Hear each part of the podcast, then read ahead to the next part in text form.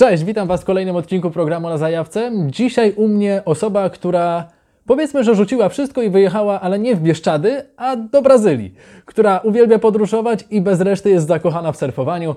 To nie kto inny, tylko Patrycja Orłowska. Dzień dobry, buenos dias, hola chica. Bom dia!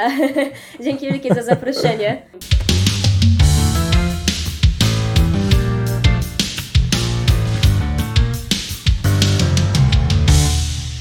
Poznaliśmy się w ogóle 4 lata temu, to był 2017 rok bodajże, Tak. w Zielonej Górze, na festiwalu Dokładnie. podróżniczym i wtedy opowiadałaś o swojej podróży autostopem i o swojej wyprawie do Brazylii. I ja później sprawdzam, Zgadza a się. ty po naszym festiwalu znowu tam pojechałaś i byłaś przez bardzo długi czas. W ogóle dlaczego? Jak to? O co chodzi? Wiesz co, no tak, więc w 2017 roku, jak gdy się poznaliśmy na festiwalu, opowiadałam o podróży, którą odbyłam e, troszeczkę wcześniej, w 2016 roku. I to był taki mój pierwszy kontakt z Brazylią. Natomiast no, zakochałam się w zasadzie w tym kraju, kulturze, wróciłam tam w tym samym roku. W zasadzie jakieś chyba dosłownie dwa tygodnie po tym, po festiwalu, ja już byłam w Brazylii z powrotem. No właśnie. Plan był generalnie pojechania na jakieś trzy miesiące podróżowania i wrócenia do Polski, tak, do Europy.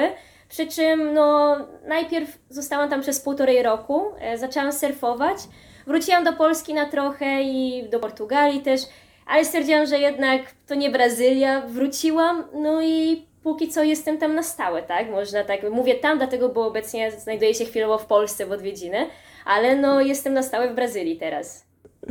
No to słuchaj, po kolei ja dotarłem do takiego archiwalnego bloga, którego kiedyś jeszcze prowadziłaś w internecie. A potem to się przeniosło wszystko na Twój fanpage, a teraz tak naprawdę jesteś jakby na swoim koncie indywidualnym i na Instagramie i na Facebooku. Zaczęło się niewinnie od delikatnych podróży autostopowych. Pierwsza była Hiszpania, z tego co pamiętam, i w ogóle pomysł na studia w. Wielkiej Brytanii. I to miały być studia w Anglii, ale o Hiszpanii i o Portugalii. Dobrze się orientuję. Tak, tak, dokładnie. No ja zawsze miałam taki pociąg do języków e, tych e, romańskich, tak powiedzmy. Uczyłam się hiszpańskiego od dziecka praktycznie. No i ten portugalski tak przy okazji się przewinął, ale no mogę akurat szczerze powiedzieć, że na studiach to się niewiele nauczyłam tego języka, ponieważ studia też rzuciłam całkiem szybko. E, nauczyłam się w Brazylii w zasadzie tego portugalskiego, no ale ten pociąg do Ameryki Łacińskiej zawsze gdzieś istniał. No właśnie, ale skąd, skąd to wynika? Z czego to się wzięło, że no jakby wiesz, to nie jest takie oczywiste. Hiszpański jest zawsze taki fajny, Ameryka Łacińska też, e, no ale nie jest taka oczywista, nie jest to takie oczywiste miejsce. Dobra, będą się śmiać na pewno niektórzy widzowie, niektórzy może, może się odnajdą w tym, co teraz powiem, ale szczerze mówiąc, to wszystko się wzięło, jak miałam 13 lat i zaczęłam oglądać meksykańską telenowelę Rebelde. Okej, I stwierdziłam, że po, bardzo mi się spodobała ta telenowela. E, dla ci, co może oglądali tą telenowelę, to wiedzą, że generalnie tam istniał taki zespół, który istniał w rzeczywistości, tak? Więc ja się stałam jako taka nastoletnia dziewczynka fanką tego zespołu, ale do Polski nie docierały żadne rzeczy po polsku, tak? Materiały na temat tego zespołu, muzyka, ani nic. Więc zaczęłam sobie wszystko tłumaczyć po prostu w internecie. Y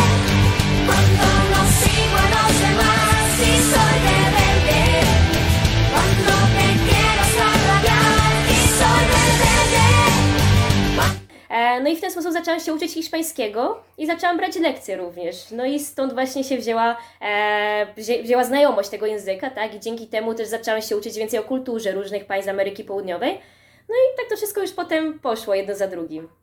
no zanim dotarłaś w ogóle do Ameryki Południowej, to był też taki dłuższy Twój y, w Hiszpanii przy okazji projektu Opery. Tam to Tak, się odbywa tak. w cyklu sześciotygodniowym, tak? Bo ostatnio też na swoim kanale rozmawiałem z dziewczyną, która była w Stanach przez, przez prawie rok, czy nawet więcej, e, więc tam to było takie półtora miesiąca i jak tam się czułaś? No czułam się świetnie. Ja byłam dwa razy jako oper w Hiszpanii tak naprawdę, w 2014 i 2016, u tej samej rodziny. E, Tak naprawdę to nie tyle w Hiszpanii, co w Katalonii, tak? Bo jakby to ta rodzina usłyszała, to by nie chciała Okej, było rozumiem, w to jest ten trend, rozumiem. Katalonia, wychodzimy z Hiszpanii.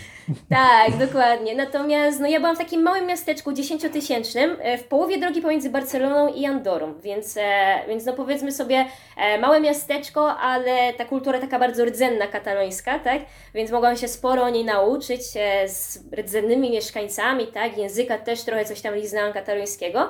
I no, dla mnie to była świetna przygoda, tak? Jedyne co to może za trzecim razem bym nie wyjechała do tej samej miejscowości, po prostu mała miejscowość, znam na pamięć już wszystko i wszystkich, ale na pewno jest to przeżycie bardzo fajne i jeśli ktoś chce jakiś dłuższy wyjazd skombinować, czy to, no właśnie wiele dziewczyn jeździ do Stanów, nie tylko dziewczyn, tak? Trzeba zacząć od tego, że faceci też jeżdżą. Tak, tak, to Więc prawda. jeśli ktoś Mhm, po prostu chciałby wyjechać gdzieś na dłużej, a nie wie sk- od czego zacząć, tak, to myślę, że taki wyjazd jest bardzo fajnym sprawdzianem, tak, jakiejś samodzielności, bo jednak zawsze ma się tą pomoc, tak, ze strony rodziny, tak, która nas gości i tak dalej, więc e, no jest to fajna przygoda, tak. Pierwszy raz wyjechałam jak miałam 18 lat, więc to był mój pierwszy wyjazd taki samodzielny za granicę, no i od tamtego czasu myślę, że już złapałam takiego bakcyla, że nie chciałam przestać. Okej, rozumiem. A tam jeszcze krótko, bo chciałbym na więcej o tej Brazylii porozmawiać, ale to mnie też strasznie intryguje, odkąd się dowiedziałem, czym w ogóle jest to oper, jestem strasznie zafascynowany. E, tam jest tak, że masz jednak ten czas na zwiedzanie, na poznawanie tej kultury, czy raczej jesteś tą opiekunką dla Wiesz dzieci? co, dużo zależy od rodzin, bo ja miałam akurat szczęście, więc w moim przypadku rodzina traktowała mnie praktycznie jak córkę. E, miałam mój tak, taki schemat takiego e, dnia, tak, od poniedziałku do piątku, to wyglądało tak, że z rana po prostu musiałam zaprowadzić dzieci. To była trójka dzieci, przy czym jedna dwunastoletnia, jak byłam pierwszy raz, więc samodzielna, tak, trójka dzieci na zajęcia sportowe na basenie, które było na tym samym osiedlu, na którym mieszkaliśmy. E, Potem musiałam je stamtąd odebrać. Przyjeżdżali rodzice z pracy na czas siesty, tak, żeby zjeść obiad razem, przygotować obiad. I potem, jak oni wracali do pracy, musiałam się zająć tymi dziećmi za 2-3 godzinki. Tak więc wieczory i popołudnia, późne popołudnia miałam zawsze dla siebie, weekendy też dla siebie. I tak naprawdę czasami zwiedzałam z rodziną, tak, e, mnie brali na różne wycieczki w mieście, poza miasto, czasami zwiedzałam sama.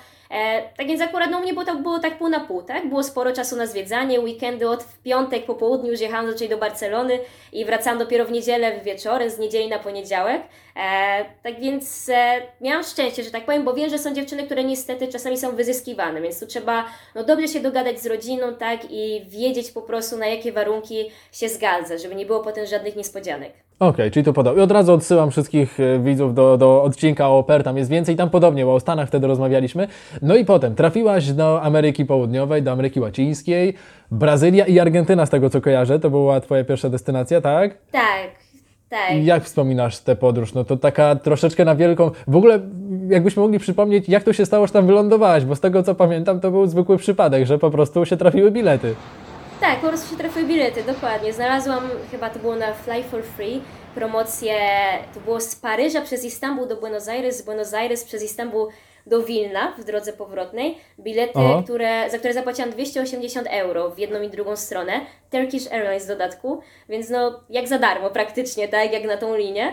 E, no i jak zobaczyłam te bilety, miałam akurat czas, no to stwierdziłam, że no takiej okazji nie mogę przepuścić.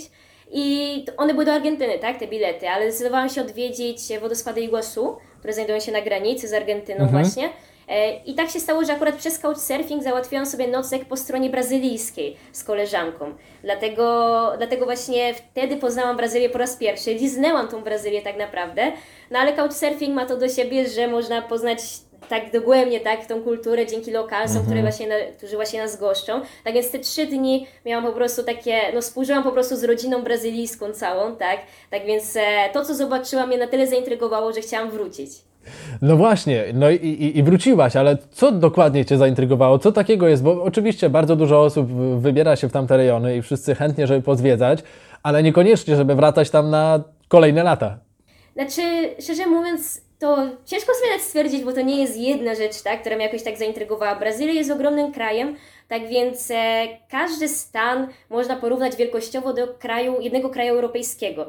Dlatego każdy stan w Brazylii to jest kompletnie inny klimat, inna natura, inna kuchnia, tak, e, inna, inne wszystko tak naprawdę, tak, nawet inna mentalność ludzi, inny akcent, e, inny nawet czasami język trochę, zmienia się również między Stanami, tak więc gdy dowiedziałam się o tym i zobaczyłam, że o kurczę, na północy są przepiękne plaże, tutaj jest na przykład są super fale na surfing, które zawsze chciałam spróbować, e, tutaj na przykład jest przepiękna dżungla, więc jak zobaczyłam ile jest tych rzeczy, to stwierdziłam, nie no, muszę tam wrócić i spędzić więcej czasu. I oprócz tego też chciałam się nauczyć języka, bo portugalski zawsze mnie bardziej ciągnął hiszpański niż portugalski, ale po tym krótkim pobycie w Brazylii zobaczyłam, że portugalski też jest bardzo fajny. Wcześniej miałam kontakt tylko z portugalskim z Europy, który jest zupełnie inny od brazylijskiego. I no ten z Europy nie do końca mi się spodobał, jeśli chodzi o wydźwięk po prostu tego języka, natomiast brazylijski jest taki bardziej e, płynny, taki muzyczny, tak? Jak to ludzie mówią, więc, e, więc generalnie bardzo mi się spodobał i stwierdziłam, nie, ja chcę spędzić przynajmniej ze dwa miesiące w Brazylii, żeby nauczyć się tego języka.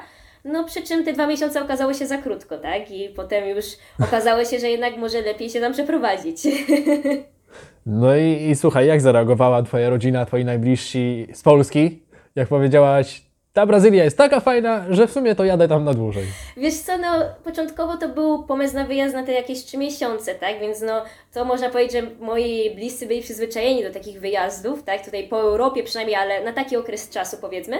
Natomiast potem jak zdecydowałam się, że jednak nie wrócę, tak, jechałam bez biletu powrotnego, więc, e, więc no po prostu Okej. to nie było coś tak, to było takie niepe- powrót był niepełny, tak, po prostu od początku. Natomiast jak powiedziałam z e, rodzinie, że no nie wiem kiedy wrócę, to raczej było takie, no może za miesiąc, może za dwa.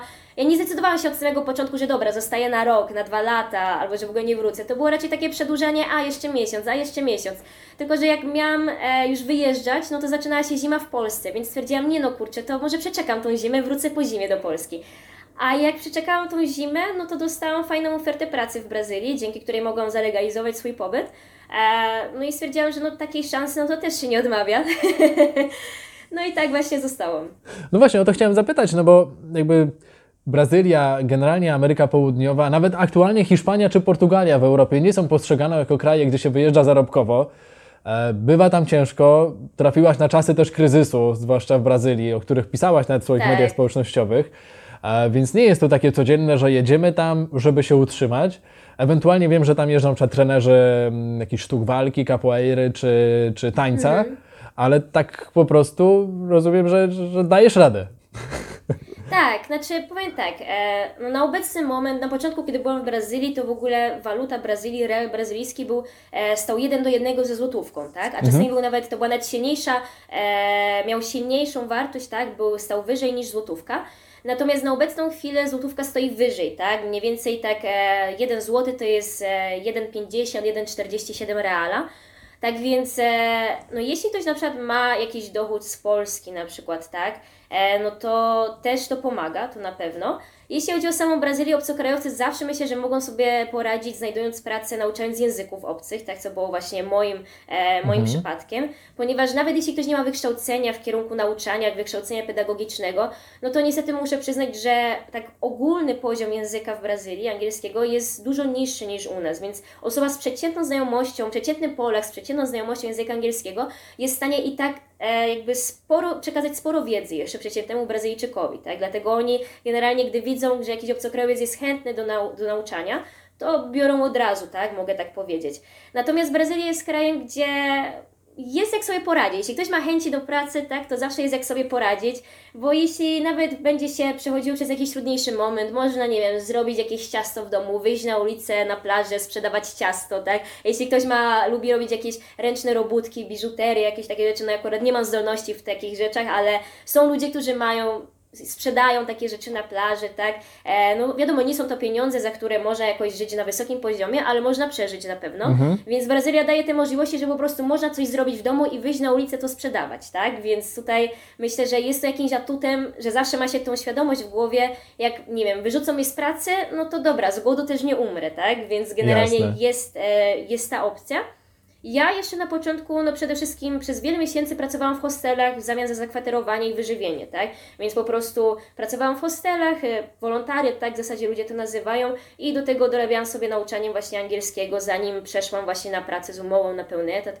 E, tak, więc, e, tak więc w ten sposób można wyżyć na pewno, tak? A hosteli nie brakuje, które przyjmują w ten sposób w Brazylii, więc jeśli ktoś właśnie chce spędzić, nie miesiąc, dwa miesiące podróżując po Ameryce Południowej czy po Brazylii i nie ma pieniędzy na płacenie zakwaterowania, nie interesuje go za bardzo couchsurfing, chciałby spędzić więcej czasu w jednym miejscu, to taka wymiana pracy w jakiejś, e, w turystyce, tak, właśnie za zakwaterowanie, wyżywienie jest spoko opcją i można też znaleźć czas, czasem płatne oferty. Mhm.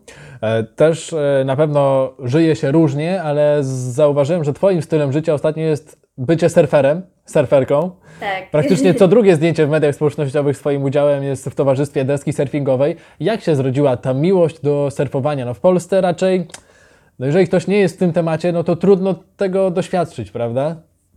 Tak, to prawda. Znaczy ja akurat o Polsce jeszcze się dowiaduję, tak? Nigdy nie surfowałam w Polsce, ale okazuje się, że mamy surferów, mamy polskie zawody. Natomiast... O, to ja się właśnie dowiedziałem ja od Ciebie. chciałam, Ja zawsze chciałam surfować, e, znaczy zawsze chciałam spróbować po prostu, tak? Nigdy nie wiedziałam z czym to się je. E, Pierwszy raz w życiu widziałam deskę surfingową na oczy, jak miałam 20 lat i pojechałam do Portugalii autostopem, więc generalnie zanim pierwszy raz wzięłam deskę surfingową do ręki, to też to trochę minęło, więc no jakby od, e, jakby moment, w którym zaczęłam, różni się od momentu, w którym zaczynają na przykład brazylijscy surferzy, tak? Natomiast e, no jest to przepiękny sport, tak? To ciężko nawet po prostu określić słowami, bo ten sport zmienia życie. I w Brazylii są idealne warunki jakby do trenowania tego, tak? Nie tylko do nauki, ale również jeśli ktoś by chciał e, w jakiś sposób e, faktycznie iść w tym kierunku kariery sportowej, ponieważ na obecny moment najlepsi surferzy, Braz- e, najlepsi surferzy na świecie w rankingach zarówno no, każdej kategorii, tak? Bo surfing ma różne, różne jakby kategorie powiedzmy. No, najlepsi surferzy są właśnie z Brazylii, tak? Więc generalnie no, obecnie jeżdżę na zawody tak, surfingowe, biorę udział w zawodach również w Brazylii. E, przy czym no, jestem na tych zawodach obok najlepszych surferów, nie tylko z Brazylii, ale na świecie, więc no, jest to coś, czego w Europie ciężko by mi było doświadczyć takiego poziomu surfingu podczas brania udziału w zawodach. No i dzięki temu oczywiście można zrobić świetny progres, tak? Dużo szybszy na pewno i lepszy, niż gdybym miała na przykład pływać tylko w chałupach, tak? No to z pewnością. A to, to jest tak, myślisz o tym rzeczywiście, żeby później, jakby startujesz w zawodach, żeby rzeczywiście osiągać jak najlepsze wyniki, czy nadal to jest przede wszystkim dla frajdy? Wiesz co, obydwa tak naprawdę, tak? Znaczy przede wszystkim dla Friday i dla doświadczenia, bo jeśli, znaczy no bo wiadomo, nie ma, nie ma jakby wygrywania bez przegrywania, tak? No i nie jest to łatwy sport, no poziom w Brazylii jest wysoki, tak? Więc, e, więc no nie można tutaj się spodziewać, że jest to w ogóle sport, który e, no dosyć długo schodzi, tak? Żeby jakiś progres zacząć robić taki konkretny, żeby dojść do wysokiego poziomu. To nie jest coś, e, tak jak w niektórych sportach, no nie wiem, w dwa lata, w trzy lata, może jeśli ktoś faktycznie się temu poświęci, tak? Można zacząć dochodzić do jakiegoś fajnego poziomu. No surfing to jest coś na całe życie, tak? Więc tutaj e, jedni też, no szybciej, drudzy wolniej, tak robią ten progres. Aczkolwiek no mam plany, e, mam plany jakby kontynuowania, tak, brania udziału w tych zawodach, tak, więc no im lepsze, im lepsze wyniki, tym, tym lepiej, tak. E, no, póki co te zawody, w których brałam udział, no to miałam nie najgorsze wyniki, udało mi się wygrać też niektóre, więc e, tam są różne kategorie, tak? Więc póki co ja biorę udział w kategoriach, e, w kategoriach początkujących, wkrótce zacznę również w kategoriach open. E, prof, do profesjonalnych trzeba jeszcze troszeczkę większy progres zrobić, tak? Do kategorii pro. Natomiast, e, natomiast no, staram się wiązać w tym, z tym przyszłość, tak? W jakiś sposób. Chciałabym również zacząć startować, e, starto, zacząć startować w zawodach w Polsce, aczkolwiek no, z tym akurat jest problem, ponieważ ja akurat pływam na longboardzie, tak? Więc jest to pewien styl longboard, tak? Po prostu kategoria longboard surfingu. E, u nas w Polsce organizowane są zawody tylko na shortboardy. Niestety skontaktowa- jestem w kontakcie z organizatorami tych zawodów w Polsce, ale niezbyt chętnie e, póki co jakby przyjmują, e, przyjmują ten pomysł tak, na zorganizowanie właśnie kategorii longboard, no ale mam nadzieję, że kiedyś do tego dojdzie w Polsce. Jak dojdzie, to na pewno będę brać udział w zawodach również i tutaj. Longboard to się domyślam, że chodzi o te normalne, klasyczne deski, które znamy z filmów, z plaż, Tak, z tych pięknych, dokładnie. piaszczystych. Dokładnie, dokładnie. Więc jest to inny styl od shortboardów, tak? To są inne triki, które się robi, dlatego e, no, nie można zrobić zawodów tak jednych i drugich razem, na przykład jedną i drugą kategorię połączyć. Są to inne deski, inne fale, inne triki.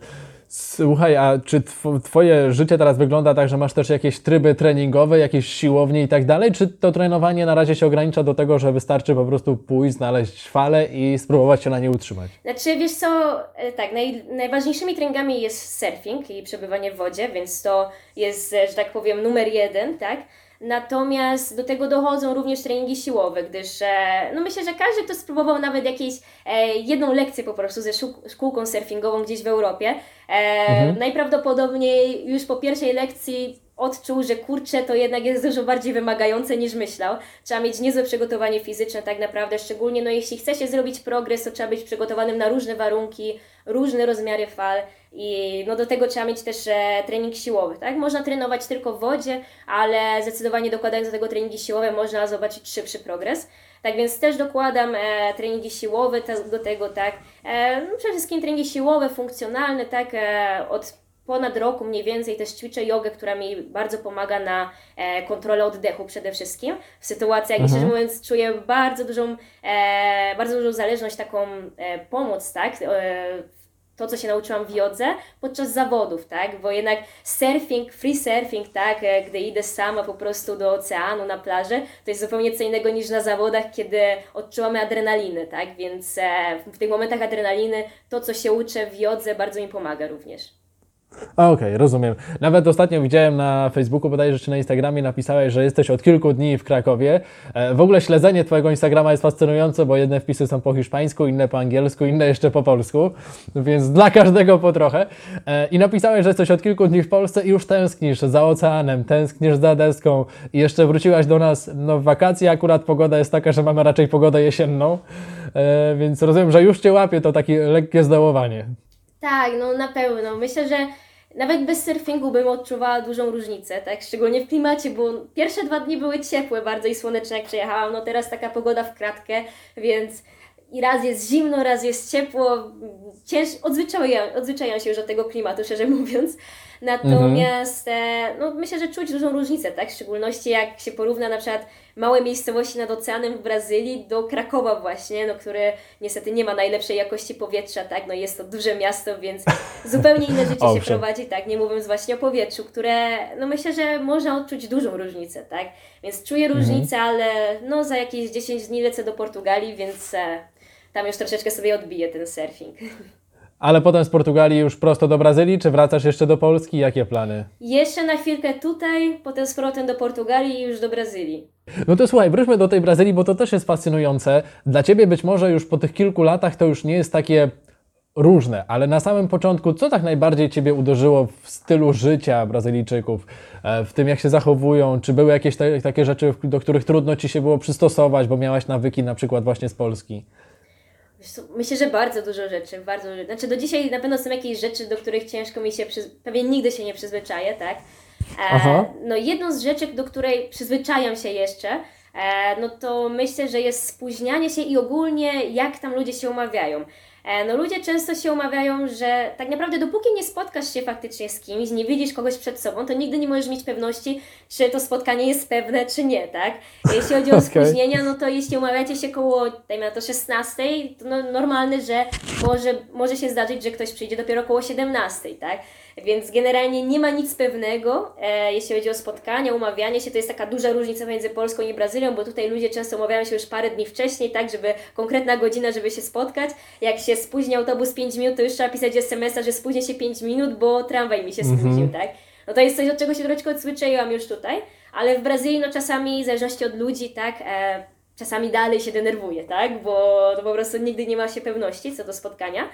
E, spóźnienia, tak, e, no obsługa też na pewno klienta, tak w ogólnym, e, w ogólnym pojęciu tego słowa, tak, jeśli idzie się do supermarketu, jakiegokolwiek sklepu, ludzie po prostu są powolni, dosłownie, tak, bo zaczynają sobie rozmawiać na przykład z klientem, który okazuje się być ich sąsiadem na przykład, tak, ten klient stoi przed Tobą w kolejce, w supermarkecie na przykład, zaczynają sobie gawędzić i no, raczej nie przejmują się tym, że Ty czekasz, tak, żeby skasować również i Twoje produkty, po prostu sobie gawędzą, jak skończą, no to skończą, trzeba czekać po prostu, tak. Ale w jakiś Okej. sposób to życie płynie tak powolniej, tak? Więc no, kto jest przyzwyczajony do takiego szybkiego trybu życia, takiego miastowego, e, może mu to przeszkadzać na początku i no można to polubić albo nie, tak? E, Kuchnia też na pewno jest zdecydowanie inna. E, Taki typowy obiad brazylijski to jest e, ryż, fasola, w zależności od regionu fasola czarna albo brązowa, do tego jakaś sałatka taka najprostsza, bardzo tu akurat nie wymyślają żadnych rzeczy, jakieś mięso, tak? Czasami dodają jakieś inne rzeczy, mm, frytki, ale to jest taki typowy obiad, który można znaleźć na ulicy, w domu, e, typowym brazylijskim. No i na początku, gdy przyjechałam i szczerze mu- no i miałam jakby posiłki włączone, tak? Więc nie miałam za bardzo wyboru, e, wyboru czy co chcę, co chcę zjeść.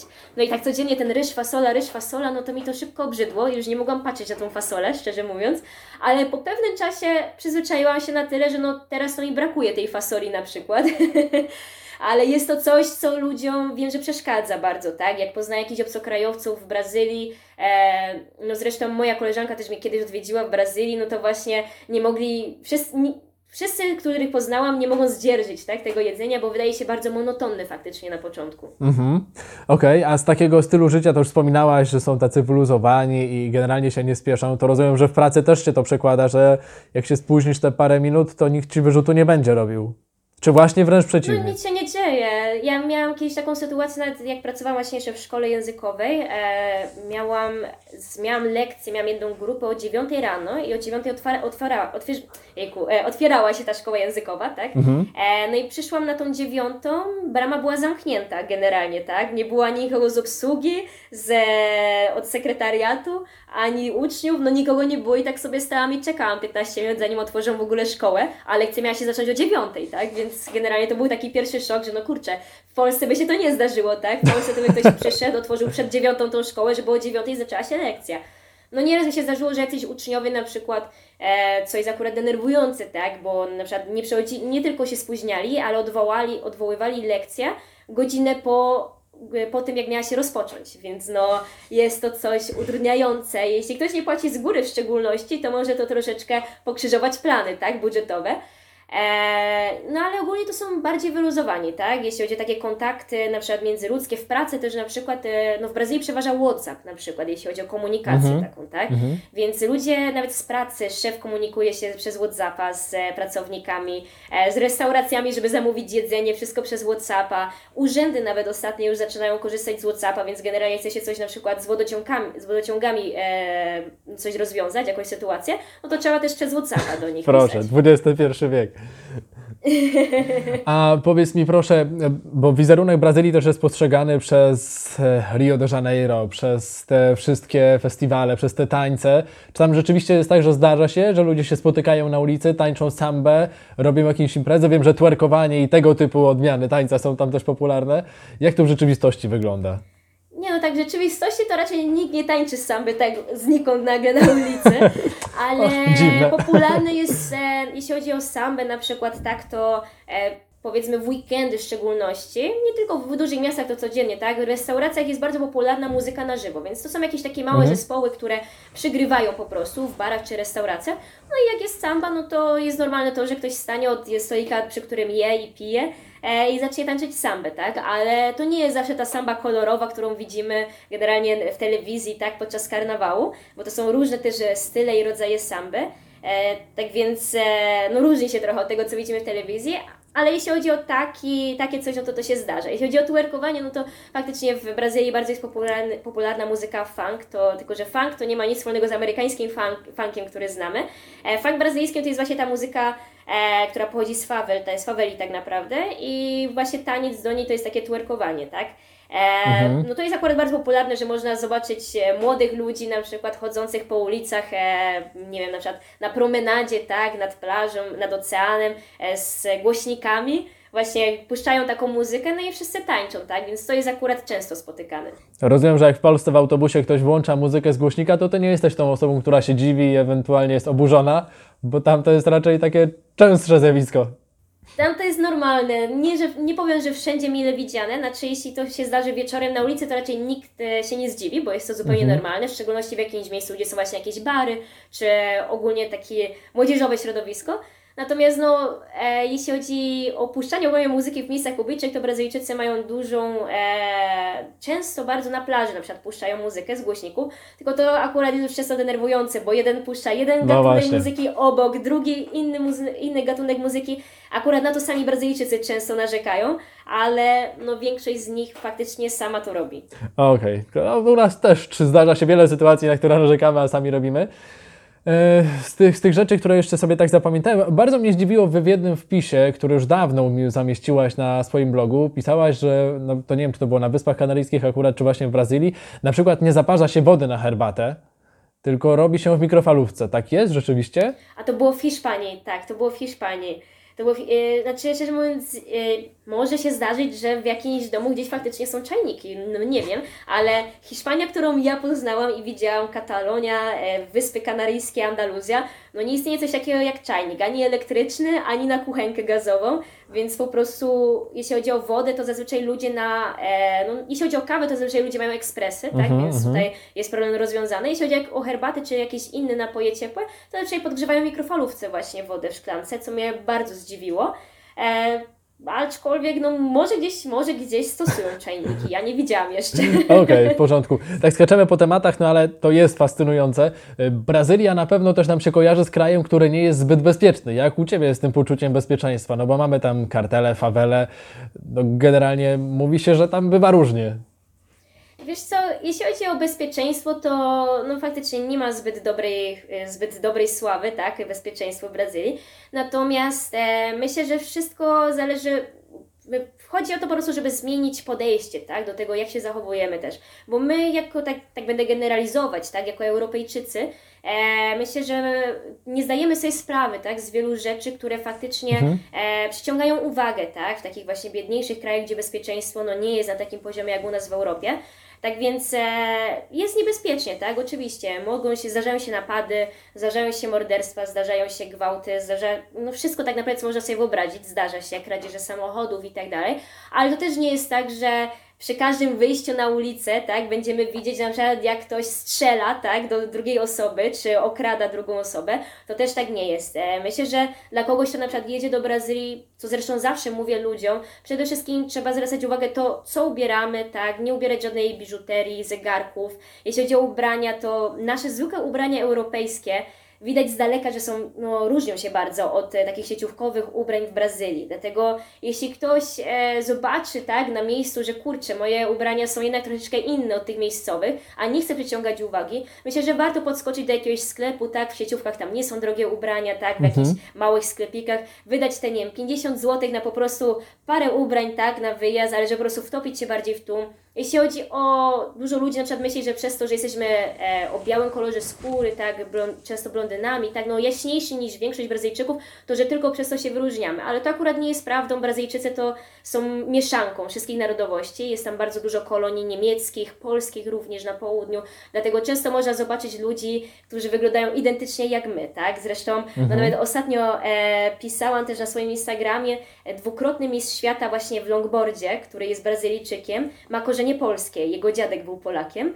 E, no i jak się na niego patrzy, to widać, tak? Że no kurczę, ma jakieś korzenie spoza Brazylii. Dlatego kwestia ubioru, kwestia też e, takich rzeczy, na przykład nie można wyciągać telefonu na ulicy gdziekolwiek w mieście, tak?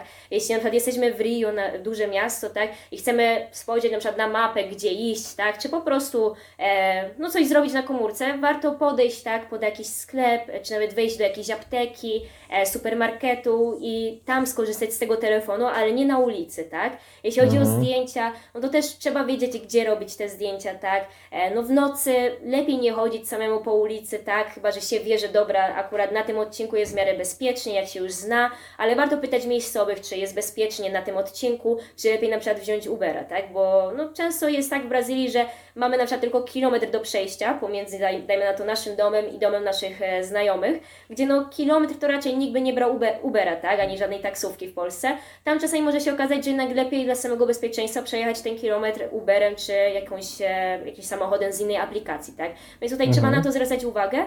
Ale myślę, że najlepiej pytać się miejscowych, tak? Po prostu co, co robić, ale to też nie jest tak, że na każdym kroku ktoś kogoś napada, ktoś kogoś gwałci, ktoś kogoś zabije, tak? Zdarzają się te wszystkie rzeczy, ale można przeżyć.